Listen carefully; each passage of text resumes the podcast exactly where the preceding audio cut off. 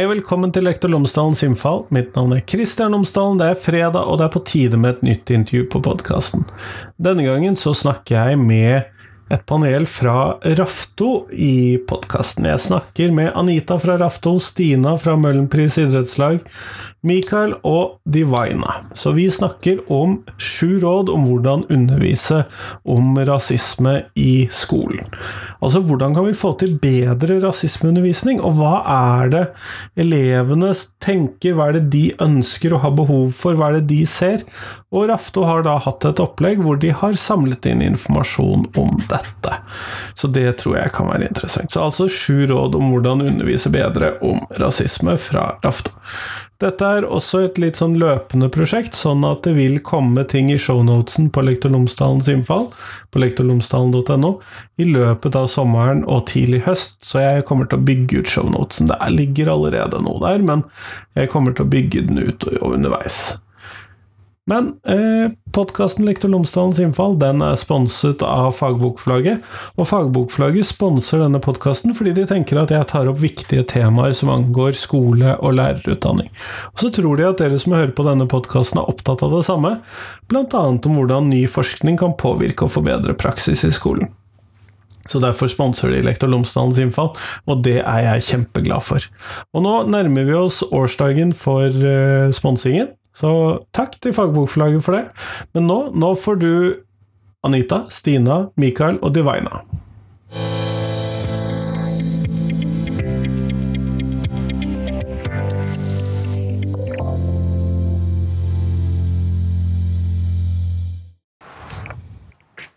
Tusen takk for at dere har kommet for å snakke med meg her i dag. Før vi kommer sånn ordentlig i gang, så trenger jeg at dere forteller lytterne mine hvem dere er, og litt om dere, sånn at de får bli litt mer kjent med dere. Og vi kan starte med deg, Stina. Ja, jeg heter Stina i Idamanko, og jeg pleier å si at jeg er 50% ghaneser, 50% norsk, men 100% bergenser. Så det beskriver meg ganske godt, egentlig. Kjempeflott. Hei, hei. Jeg heter Anita. Jeg, eh, har jobbet, eh, jeg er undervisningsrådgiver på Raftostiftelsen. Har jobbet i Rafto siden uh, februar 2022. Uh, ja. Jeg skal si hva jeg har studert, eller? Hvis du vil. Ja. Jeg, har, jeg har bachelor i journalistikk og master i samfunnsarbeid. Kjempeflott. Tusen takk. Ja, Hei, jeg heter Divina. Jeg er 21 år gammel, jusstudent, og jeg er tamil. Ja, eh, jeg heter Mikael. Jeg er 18 og eh, går siste året på Katten. Ja. ja. Flott. Vi er jo her i dag for å snakke om hva er god eh, rasismeundervisning. Eller hva er god Nei, jeg klarer ikke bergensk. Kan noen ta tittelen på prosjektet? Hva er bra rasismeundervisning? Hva er bra su? Kjempeflott. Mm. Og hva slags prosjekt er dette?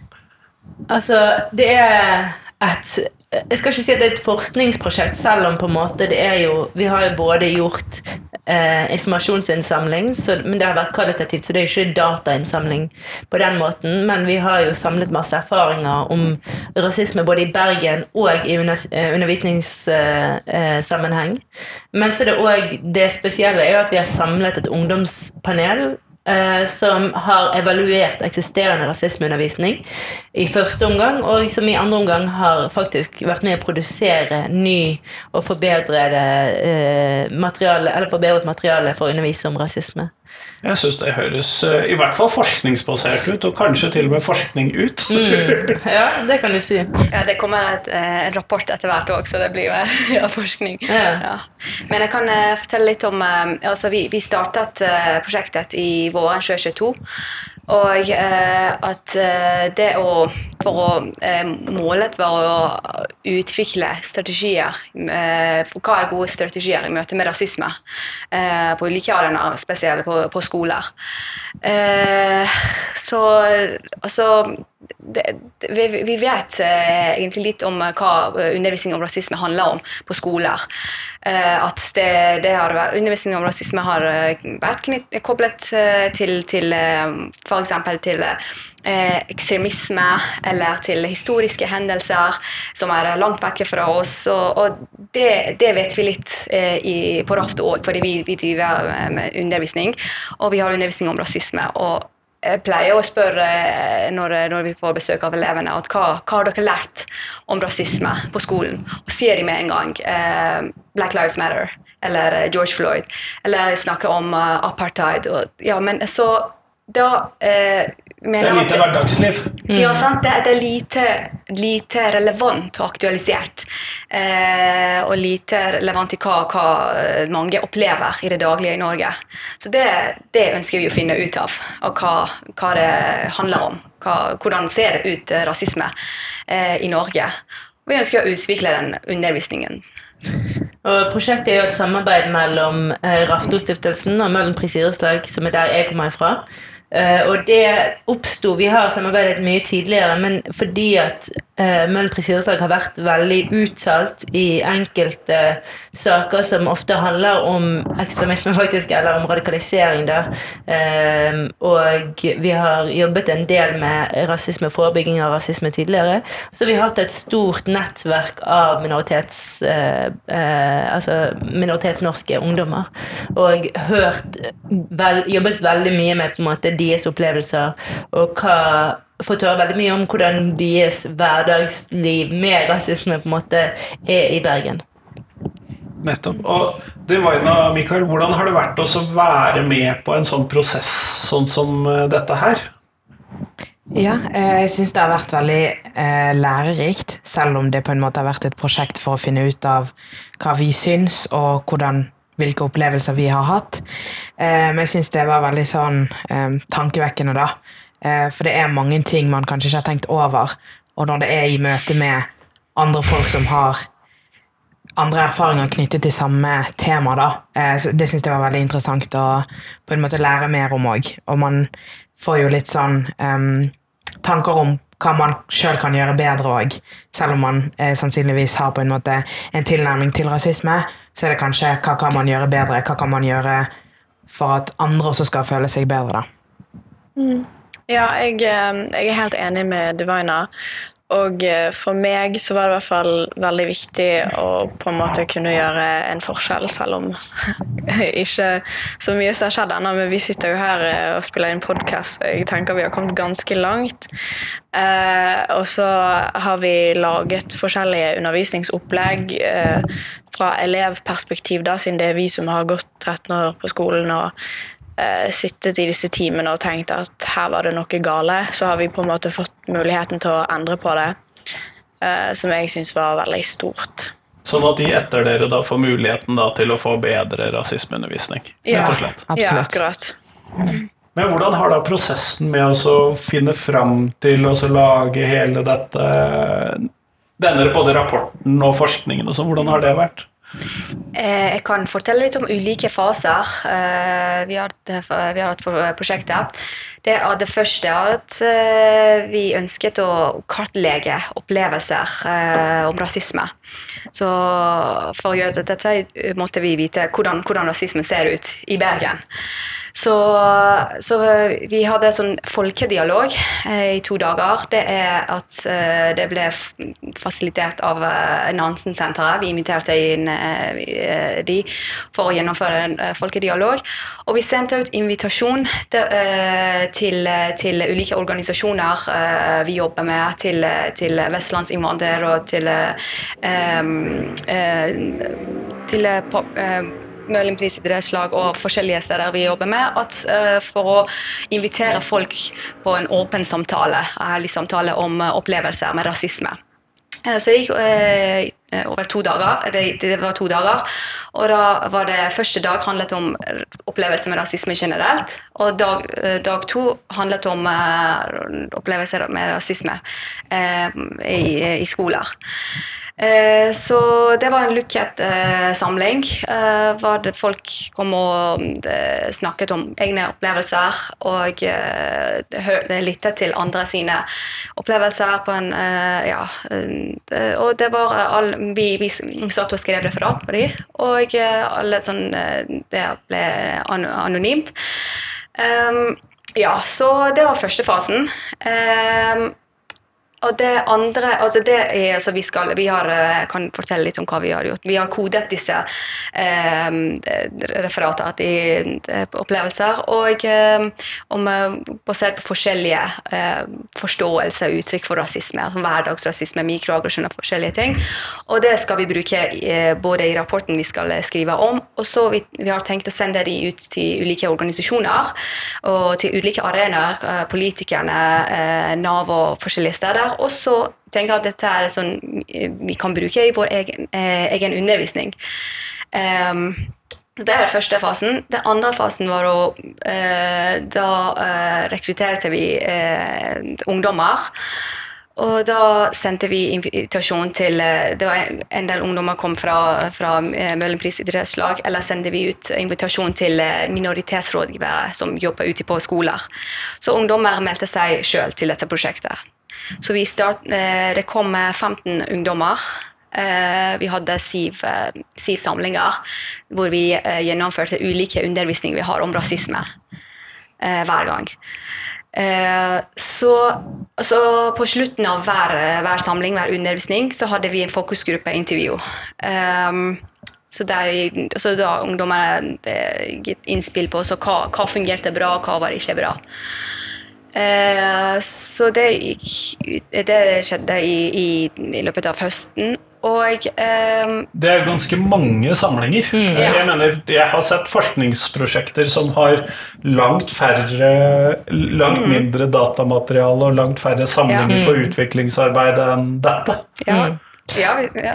Men en av grunnene til at vi gjorde det på den måten, er fordi at vi, vi vet at dette kan være et sensitivt tema. Og så er det jo på en måte at i utgangspunktet så visste vi jo heller ikke hvem som kom til å melde seg på, og på en måte hva var deres verbale ferdigheter, hva var deres språknivå, hva var deres på en måte kompetansenivå i forhold til hvor bearbeidet var de i forhold til sine opplevelser med rasisme og alle de tingene. sånn at det krevde jo på en måte vi har brukt, eller i forhold til eh, sånn som vi vanligvis jobber med kontaktteori, at jo mer man at hvis man møtes ofte over tid, så blir man mer komfortabel med hverandre.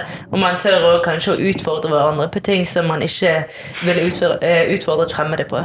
Så vi tenkte òg at for å få høyest mulig kvalitet på det som skulle produseres, eller det på en måte som vi skulle få tilbake, så var vi nødt til å òg eh, gjøre den jobben for at de skulle bli komfortable, og for at de skulle bli kjent med formatet, og, og få bearbeidet eh, inntrykk over tid. Tenker dere annerledes om rasisme i dag etter denne prosessen enn før, eller er, det, eller er de tankene bare klarere? Jeg tror det er bare klarere tanker, egentlig. Jeg tror jeg på en måte Man har jo alltid litt eh, kunnskap. Jeg tror jeg nå skjønner at det er så mye mer. Det er så mye mer spesifikke ting innenfor rasisme òg, eh, og at det krever ulike tilnærminger, da. Um, og at det er på en måte noe, noe, som skjer her, og ikke på en måte det abstrakte, som det ofte kan fremstilles i skolene, blant annet. Anni, ja. Ja, jeg føler òg det klarere, men òg eh, liksom lært å eh, avgrense, på en måte, da. At, å ta én ting av gangen, men ellers så har samtalene før vært veldig usystematiske, da. At det bare har gått fra én ting til den andre, men at vi kommer liksom til et poeng, på en måte. Men jeg avbrøt deg, Anita. Hvor var dere i prosessen? ja, nei, Det var den uh, fasen med gjennomføring av undervisning og evaluering. Uh, og så så etterpå så, så vi, vi, vi satt og så, så, vi skrev Hva heter det? Oh. Rapporter eller åpne? Ja, eh, nei, det fokusgruppeintervjuet. Vi, vi, vi, og transkriberte? Transkriberte det, ja. Transkriberte det, Og at vi, vi kodet disse, uh, disse intervjuene. Og uh, det gjort, uh, ble gjort av min kollega. Og har, vi har kodet disse um, intervjuene og kommet på forskjellige tendenser. Så vi har gitt disse tendensene til, til Divina og Michael, og da kom de med, med de syv rådene. Ja. Og så fase tre, så er nå har ungdommer som de har, de har, de vet, de har jobbet litt med hva er god rasismeundervisning, og hva fungerte godt, og hva, fungerte, hva ikke fungerte godt. Så de, nå er de i fase tre, der de skal utvikle undervisning de mener sjøl er bra uh, i undervisning om rasisme. Så vi har delt det i uh, tre grupper. Det er noen grupper som uh, jobber med å lage, lage podkaster, f.eks. En gruppe lager et, et, et, spill, et spill om, om rettferdighet og privilegier. Og en gruppe lager en film om, om hverdagsrasisme og fordommer og stereotypier. Mm. Så vi er i denne fasen. En veldig spennende fase, det òg, vil jeg tro. Ja. Men vi er kommet dit vi er rett og slett nødt til å høre disse hva er, hva er, disse syv tipsene for god rasismeundervisning? Ja, um, så meg og Mikael fikk da uh, disse kodene, eller kategoriene, som vi da brukte for å utvikle uh, rådene til uh, lærere. det kan jo selvfølgelig være til hjelp for alle, da. Um, og det er litt om hvordan man skal undervise om rasisme, men tipsene gjelder jo også for hvordan man skal um, tilnærme seg en situasjon med rasisme. Da. Uh, og det første rådet faktisk heter relevans og kritisk tenkning. Uh, og det handler litt om at man skal på en måte erkjenne rasismen rundt seg sjøl og i det lokale samfunnet sitt. Uh, Istedenfor at man skal tenke på rasisme som noe som er langt vekke, eller at det er noe som knytter seg kun til historie. Um, men at man heller skal sette søkelyset på lokalsamfunnet eller skolemiljøet. da. Um, og det handler om å finne det som er relevant, og være kritisk til det som er rundt seg sjøl, og kritisk til det som allerede er en del av pensum, som for eksempel um, ja, det man lærer om uh, slavene, for. At det er litt mer, litt mer enn bare faktabasert. da. Nettopp. nettopp, sånn at Det er rett og slett viktig av at eh, rasismen er ikke bare noe som skjer langt unna eller skjedde for lenge siden. Det skjer mm. her, og det skjer nå. Ja, det må være noe som er relevant. Ja, akkurat. Og så er andre rådet litt tett på det første òg, med at uh, det er å bruke eksempler på rasisme. da, Å bruke um, autentiske fortellinger, uh, altså folk som har personlige um, hendelser med rasisme, uh, som man kan finne i intervju på NRK og bøker, og det er liksom mye der ute um, som man kan finne da, og undervise med. Uh, og så altså, bruke disse fortellingene til å skape empati og la elevene eller folkene du snakker til, øve seg på evnen til å gjenkjenne rasisme. da.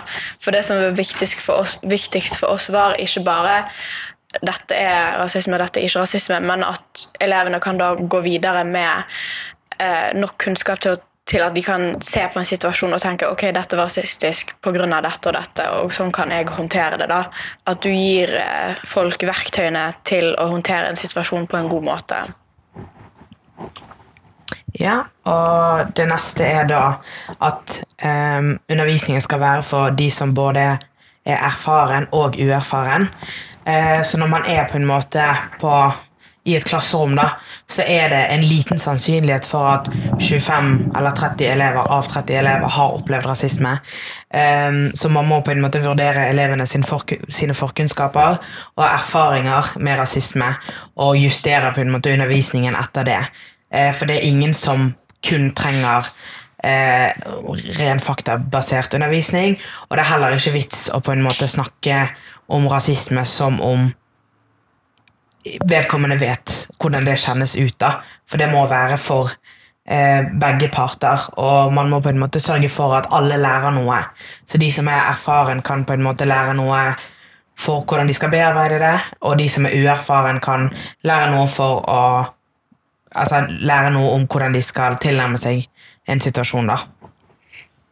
Og det, gjør, det er jo viktig, for i en del klassemiljøer så vil det jo eh, være veldig få med en uh, norsk minoritetsbakgrunn. Eller, mm. ja, det vil kunne se veldig forskjellig ut fra Bergen sentrum og Sogn og Fjordane. Mm. Ja, absolutt.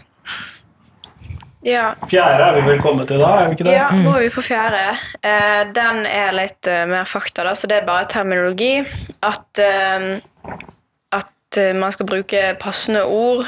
Eh, og så i tillegg sette av tid til å gå gjennom og forklare relevant, relevante begreper. Da. For det er jo veldig stort ord, rasisme, og det kan ha masse ting som går under, f.eks. mikroaggresjon og assimilering og masse sånt. da, At eh, eh, elevene får en oversikt over hvilke eh, begrep som er relevant, og kanskje hvilke begreper som ikke er relevant, eller ofte blir eh, blandet med rasisme, da, f.eks. diskriminering. Um, ja, bare for å uh, clear it up. Så vi trenger rett og slett å ha det riktige språket, da, sånn at vi kan Ja. forstå Er det sånn jeg skal forstå det? Ja, ja akkurat. At uh, elevene har riktig språk til å snakke om det, og uh, riktig språk til å kalle ting hva det er, på en måte. Mm, ja, og at man på en måte bruker, selv om dette, skal, dette rådet knytter seg til eh, terminologi, så er det også det at man skal kunne etter undervisningen bruke det man har lært til å skjønne forskjellen på de ulike begrepene også, fordi at litt av poenget med eh, hele prosjektet er jo også at ikke alt skal gå under en paraply rasisme, men at man på en måte skal se litt forskjellen i de ulike typene òg, da. Det er på en måte det som er steget videre i typ forskning. Rasisme kommer rett og slett i ulike varianter til ulike tider. Ja, ja Yes. det er litt av poenget med det rådet. da. Eh, Det femte rådet er at eh, man skal gi verktøy for å motvirke rasisme. Eh, Man skal informere elevene om eh, ressursene rundt seg.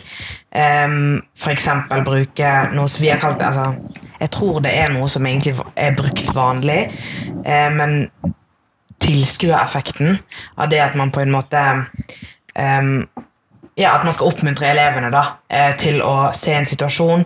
Hvis det er rasisme der, så må man på en måte føle seg komfortabel nok. At man har nok kunnskap til å på en måte um, gjøre noe med situasjonen. da.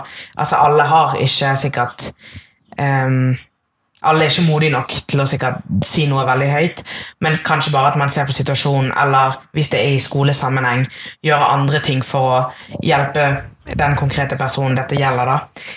Um, og informere de om andre tilgjengelige ressurser, som f.eks. oppfordre elever til å kontakte f.eks. en lærer, eller eventuelt um, helsesykepleier, em, og litt sånne ting. Relevante arbeidsgrupper, rett og slett. Absolutt. Ja, og det kan, hvis det spørs litt når i, i løpet av skolegangen man har dette, da. Men hvis det er på videregående, så kan man anbefale bøker eller podkaster, f.eks. Um, så det spørs jo litt. Men det er bare for at det må være verktøy òg for å motvirke rasisme, og ikke bare faktabasert, eller at det bare skal være noe de lærer som et annet enn i tema, liksom. Og tilskuereffekten er jo noe som vi kan rammes av egentlig hele livet. Og det, de fleste av oss syns jo det er fryktelig ubehagelig å skulle gripe inn når det skjer et eller annet rundt oss. sånn at det, det er jo viktig hvis vi klarer å bli klar over nok til at vi klarer å gjøre noe. Ja. Vi har vel kommet da til sjette, er vi det? Ja, eh, og sjette er vis hensyn, som allerede er en veldig stor del av lærerrollen, syns jeg. Eh, Bare å vurdere sosiale miljø i klassen før du velger innhold og metodikk. Eh, Holde det altså, tilpasset til alderen på elevene dine. Gi trigger warnings før du viser f.eks. en voldelig film. Og så helst ikke vise voldelige filmer og sånne ting, da. For det kan noen ganger bare ha motsatt effekt, eller bare at folk ender opp med å ikke lære noe som helst. Um, og så selvfølgelig, hvis du skal ha gruppearbeid eller noe sånt, bare ta hensyn til kanskje Hvis du vet at det er en elev som ikke liker å snakke høyt, eller klassen din ikke er så pratsomme til vanlig, at du bare prøver å tilpasse litt til din gruppe. Ja, og Det er jo viktig nettopp det der å sette sammen gruppearbeid på en god måte. Sånn at man kanskje har en som liker å snakke på gruppa, eller noen som tåler det sånn rimelig greit. og sånn. Ja. Ja, og angående det samme, så er det også det der med at man har jo ofte et krav om at det må være muntlig aktivitet i timen, eller at lærere på en måte forventer at elever skal være engasjerte. da. Eh, Så er sikkert ikke dette temaet der man skal forvente det fra alle. For det, man, det er sikkert ikke synlig for en lærer hvilke elevene som er erfaren eller uerfaren. da. Em, Jo, men, og, du, og du sier det, og så skal jeg da være lærer og pirkete i det. Og det er jo Jeg skal pirke på de andre lærerne, ikke på deg. Eh, og det er jo det at når vi først skal vurdere kom muntlig vist kompetanse, så skal vi også se på hva man har fått ut av eller vist i gruppearbeidet. Sånn at når vi da lager gruppearbeid om et sånt tema som dette, så må vi jo passe på at vi går rundt, og så må vi se hvordan Mikael snakker i sin gruppe, selv om hun kanskje ikke sier noe høyt etterpå, og hva Divina sier i sin gruppe, mm. selv om hun da kanskje er den som skal ha fått beskjeden om å gjøre dette høyt og muntlig etterpå, så mm. ser vi det at du du viser veldig mye kompetanse høyt der i klasserommet, men vi må også se på den kompetansen du viser i gruppen. Mm. Kanskje du ikke har bidratt med noe inn i din gruppe i det hele tatt. Jeg tror egentlig ikke det. Men hvis du da bare har samlet opp og ikke vist mm. noe der, og så gjentar du, og så får du all skryten, ville jo vært ja. veldig teit. Ja. Enig. enig. Um, og den, eh, det siste rådet er da at det må være aktiv læring. Og nå som vi allerede er inne på dette med gruppearbeid, og sånt, eh, så er det at man skal bruke aktive undervisningsmetoder for å fremme på en måte kritisk tenkning, og at man skal se rasisme fra ulike perspektiver. da. Um, og det må på en måte være en tankevekker eller øyeåpner for elevene um, på en måte, sånn at de, at de får noe bra ut av dette. Da. Det må komme de til gode. Um, og eksempler på det er ting som vi faktisk har hatt i prosjektet, som f.eks. ulike typer spill, eller at det er sånn um, dialogøvelser. Uh, vi hadde vel noen som het dialogduk. Mm. Ja. Uh, det syns jeg var veldig effektivt, for der får man en situasjon, og så er det fire alternativer. På hva man kan gjøre i en situasjon. da. Og det er ikke sikkert man reag vil reagere på samme måte når man ser at det kommer en rasistisk kommentar på TikTok. Eh, det, altså, det, er ikke samme løsningen til det som det er hvis man ser at noen er rasistisk mot noen på bussen. Altså, det er ikke alltid det er samme reaksjon som er nødvendig. da. Eh, så det er jo litt sånn for å forberede seg sjøl på hva man kan gjøre i en situasjon når man møter rasisme. Så det er på en måte den Eh, eller Det siste rådet knytter seg til aktiv læring. At lærere må nesten være kreative og bruke tid på å finne ut av hva er mest effektiv i den konkrete klassen. Hvis det er en klasse som er veldig aktiv, så er det ikke sikkert altså Da kan det være det er litt mer sånn én-til-én-læring, men de må nesten bare se på den konkrete klassen, da. Det var vel de syv rådene våre til lærere. Ja. ja, og De kommer til å ligge skriftlig også i denne shownotesen til denne episoden. sånn at hvis man føler for å lese de, så kan man jo gå inn og finne de der. Men dere skal jo da lage opplegg basert på dette. Eh, hvordan ser det ut, og hvordan er det arbeidet kommet i gang? Uh, altså det er jo det, de uh, produktene som er under produksjon nå. Og da kommer det bl.a. fire podkast-episoder med tilhørende oppgavehefte. Det kommer en film, og det kommer et spill.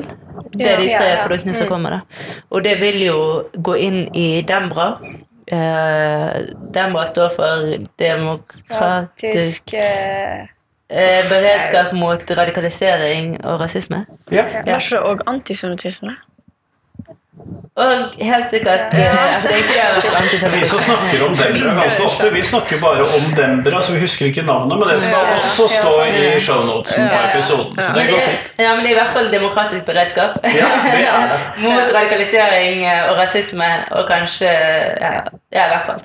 Um, sånn at det, og da går det jo inn i forhold til uh, training of trainers, så lærerutvikling, rett og slett. Uh, og det som er for det som er greien, er på en måte at vi kan utvikle så godt materiale vi bare vil, og vi kan på en måte spre det så mye vi bare vil, men hvis lærere ikke sjøl ønsker å jobbe med dette, så kommer det jo ikke opp i undervisning. Og det er jo en ting som på en måte vi ikke har fokusert så mye på i denne gruppen, men som jeg mener er veldig viktig, er jo at hvis læreren er rasist, så, kan, så spiller ingenting annet noen rolle. Eh, og her kommer vi på måte inn på dette med personlig egnethet. Det, ingen, det står ingen steder at læreren ikke skal være rasist, men elevene har rett på et trygt læringsmiljø og et vern mot diskriminering. sånn at her tenker jeg at måte, det er òg en annen kamp som må tas på et annet nivå. Det har jo hendt at det finnes lærere som er rasister, dessverre. Klart. Men jeg tenker også at vi, de aller fleste av oss har jo rasisme boende i oss. sånn at uansett, altså jeg tenker Det er ingen som bare er rasist eller som bare er antirasist. De fleste av mm. oss er jo litt av begge deler. Men det, forskjellen ligger jo i hva ønsker vi å jobbe med, og hva ønsker vi å, å på en måte bli mer av? Mm. ønsker vi på en måte å jobbe med vår indre rasist, eller ønsker vi å la den vokse seg stor og sterk og mm. dominere det andre? Og da er jo, ja, Anita? Jeg bare svarer på ditt spørsmål òg, at nå sitter vi med masse materiale. sant? Vi har mye opplevelser om rasisme, vi har mange tekst, og vi har Mye sånn, transkriberinger. ja, det har det.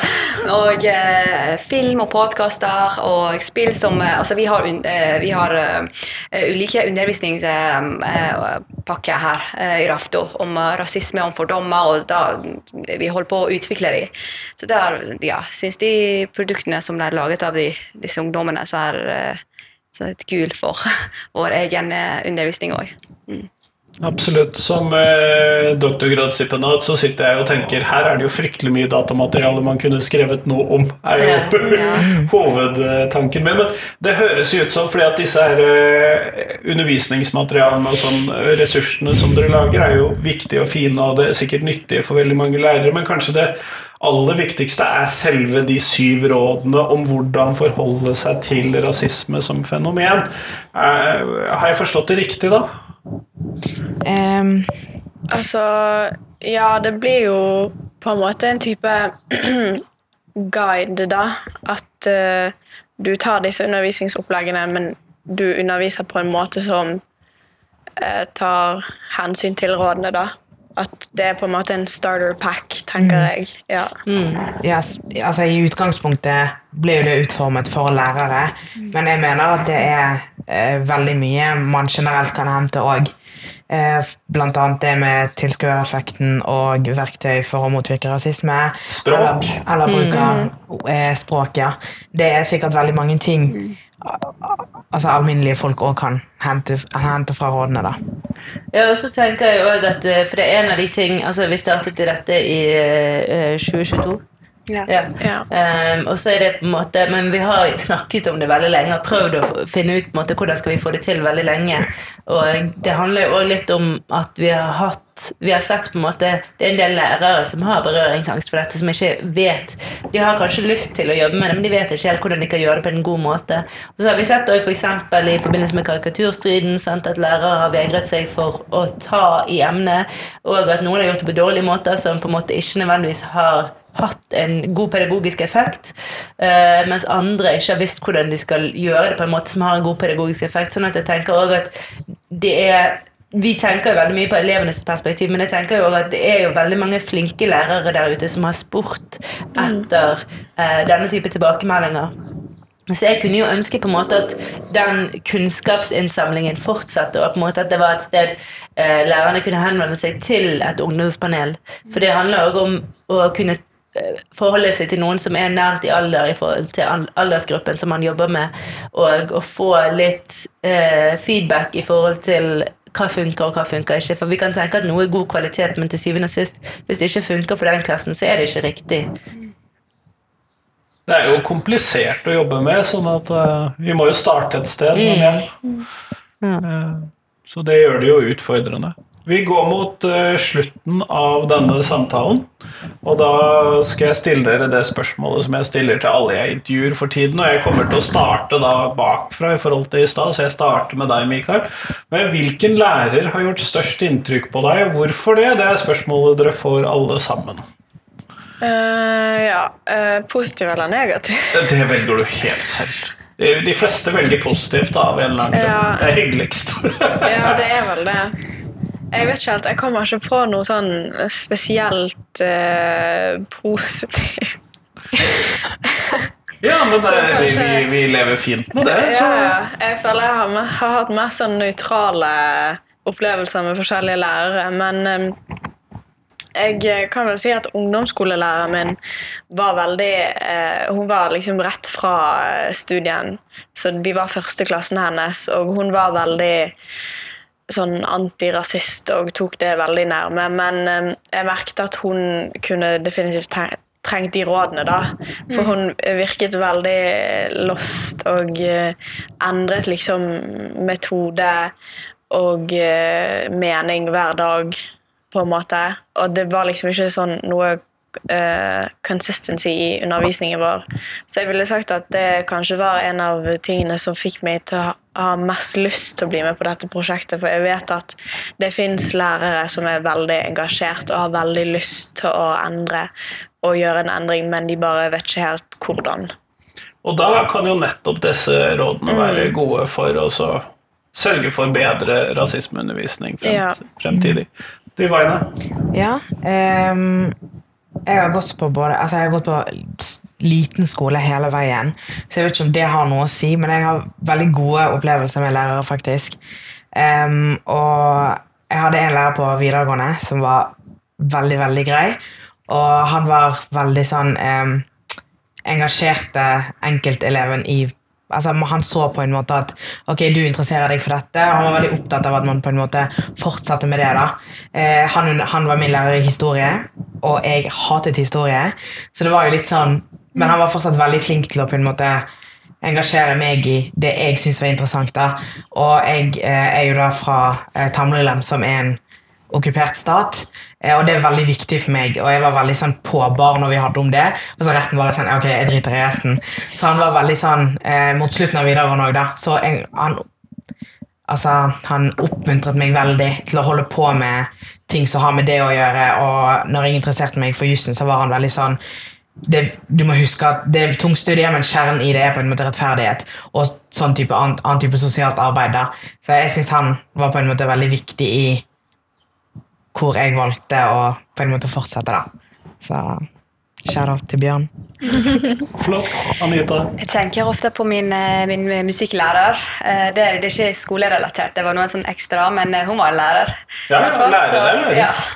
Og hun, altså, Da var jeg ung, og jeg hatet instrumentene mamma mi valgte for meg. Og jeg var opptatt av andre typer musikk, men hun, læreren hun fikk meg til å elske instrumenten. Så jeg tenker på at hvordan en lærer kan være mye eh, eh, påvirkning i at en elev elsker et fag eller hater det. Sant? Det, ja. Så ja, det var min musikklærer. Kjempeflott. Stina?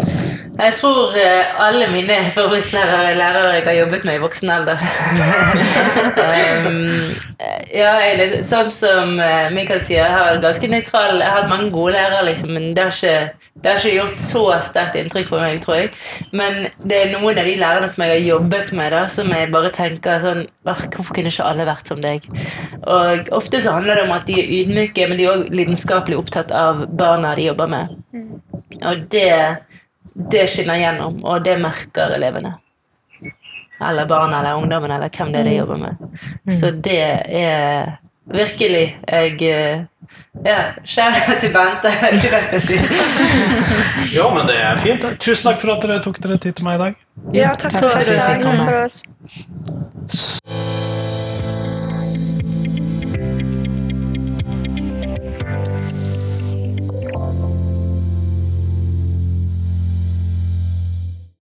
Tusen takk til Anita, Stina, Mikael og Divina. Og tusen takk til deg som har hørt på. Nå er det fram til tirsdag før det blir en ny episode, men jeg håper at du virkelig nyter det å ha sommerferie, eller at du har fått det, eller hvis du er rektor eller avdelingsleder, at du snart får deg sommerferie. Jeg håper du setter pris på å få muligheten til å ta, samle energi igjen til et nytt skoleår neste år. Det vet alle vi lærere, at det kan det være veldig nødvendig å uh, få inn. Så uh, dette tror jeg blir bra med sommerferie. Men Lektor Lomsdalens innfall uh, skal rett og slett holde på gjennom hele sommeren. Vi tar ikke sommerferie. Det gleder jeg meg til. Masse interessante episoder gjennom sommeren. Og så satser jeg på at du har en fin sommerferie og har masse, masse tid til å høre på podkast. Ha en fin sommer. Hei, hei.